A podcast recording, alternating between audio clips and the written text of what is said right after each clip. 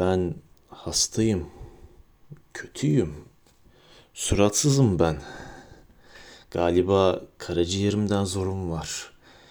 Doğrusu hastalığımın ne olduğunun da farkında değilim ya. Hatta neremin ağrıdığını bile iyice bilemiyorum.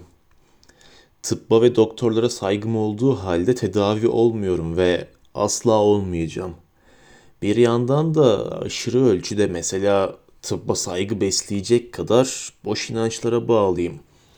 Boş inançlara kapılmayacak kadar tahsil gördüm ama inanıyorum işte. Yok efendim sadece inadımdan tedavi olmak istemiyorum.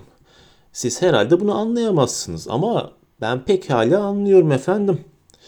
Huysuzluğumla kimin canını yakacağımı açıklayamayacağım tabii. Fakat tedavilerinden kaçınmakla doktorlara hiçbir fenalık etmediğimi, böyle hareket etmekle kimseye değil yalnızca kendime zarar verdiğimi de herkesten iyi biliyorum. Tedavi olmamakta ısrar edişim hep inadımdan geliyor. Karaciğerim mi ağrıyor? Varsın daha beter ağrısın. Belki 20 yıldır bu haldeyim. 40 yaşıma geldim. Eskiden çalışırdım. Şimdi işi bıraktım. Fena bir memurdum. Kabaydım. Kaba olmaktan zevk alırdım. Rüşvet almadığıma göre hiç olmazsa kendimi böyle tatmin etmeliydim. Zevksiz bir nükte ama üstünü çizmeyeceğim. Yazarken pek ince olur sanmıştım. Halbuki adi bir tafradan öteye geçemediğini kendim de görüyorum. Yine de bunu bile bile çizmeyeceğim. Masama gelen iş sahipleriyle dişlerimi gıcırdatarak konuşur.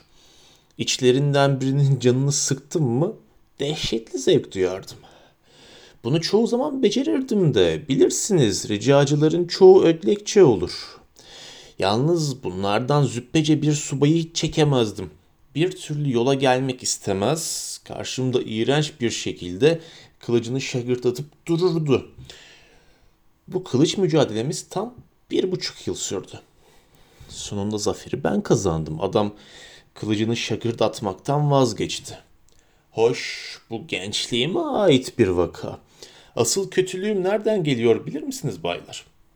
En büyük kepazeliğim her an en kızgın anlarda bile hiç de kötü, hırçın bir insan olmadığımı, sadece serçeleri ürküten kaynana zırıltıları misali kuru gürültü çıkardığımı utana sıkıla idrak etmemdir. Hiddetten ağzım köpürmüşken biraz yüzüme gülüp önüme bir bardak şekerli çay sürerek gönlümü alırsanız belki hemen o anda yelkenleri suya indirirdim. Üstelik duygulanırdım da ama ihtimal sonradan kendi kendime kızar, utancımdan aylarca uykularımdan olurdum. Huyum böyleydi işte. Demin sert bir memurum demiştim ya. Yalan.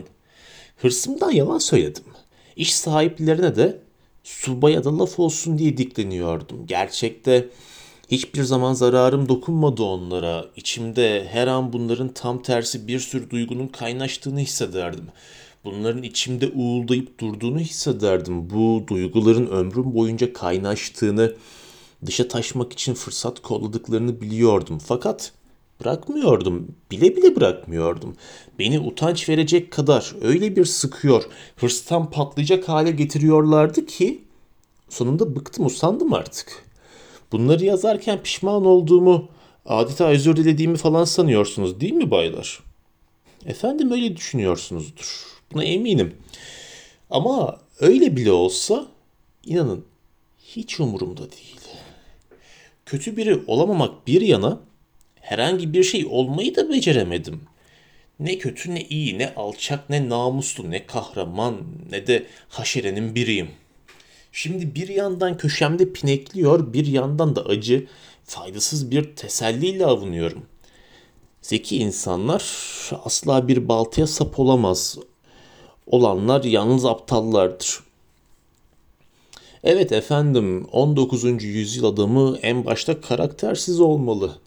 Böyle olmaya manen mecburdur. Karakter sahibi, çalışkan bir insansa oldukça dar kafalıdır. 40 yıllık bir ömürden sonra bu inanca vardım. 40 yaşındayım artık şaka değil. 40 yıllık koca bir ömür. İhtiyarlığın ta kendisi 40 yaşından fazla yaşamak ayıptır. Bayağılık hatta ahlaksızlıktır. Tüm samimiyetinizle dürüstçe söyleyin. 40 yaşını kim geçer? Ben söyleyeyim size. Aptallarla namussuzlar.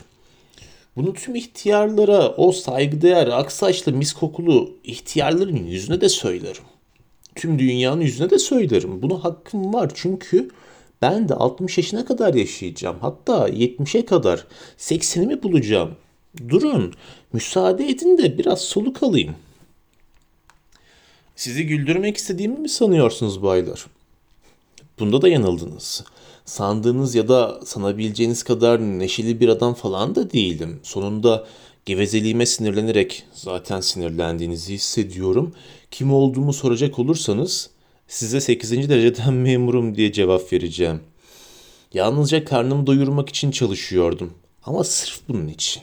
Sonra geçen yıl uzak akrabalarımdan biri bana 6000 ruble miras bırakınca hemen istifayı basıp oturduğum şu köy, köşeye yerleştim. Önceden de burada otururdum ama şimdi iyice temel attım. Şehrin bir ucunda berbat, kötü mü kötü bir odam var. Hizmetçimse ahmaklığı yüzünden hırçın mı hırçın, çevresine iç bayıcı, pis kokular saçan köylü bir koca karı. Öteki beriki Petersburg havasının bana dokunmaya başladığını, başkent hayatının ufacık gelirime göre olmadığını söylüyorlar.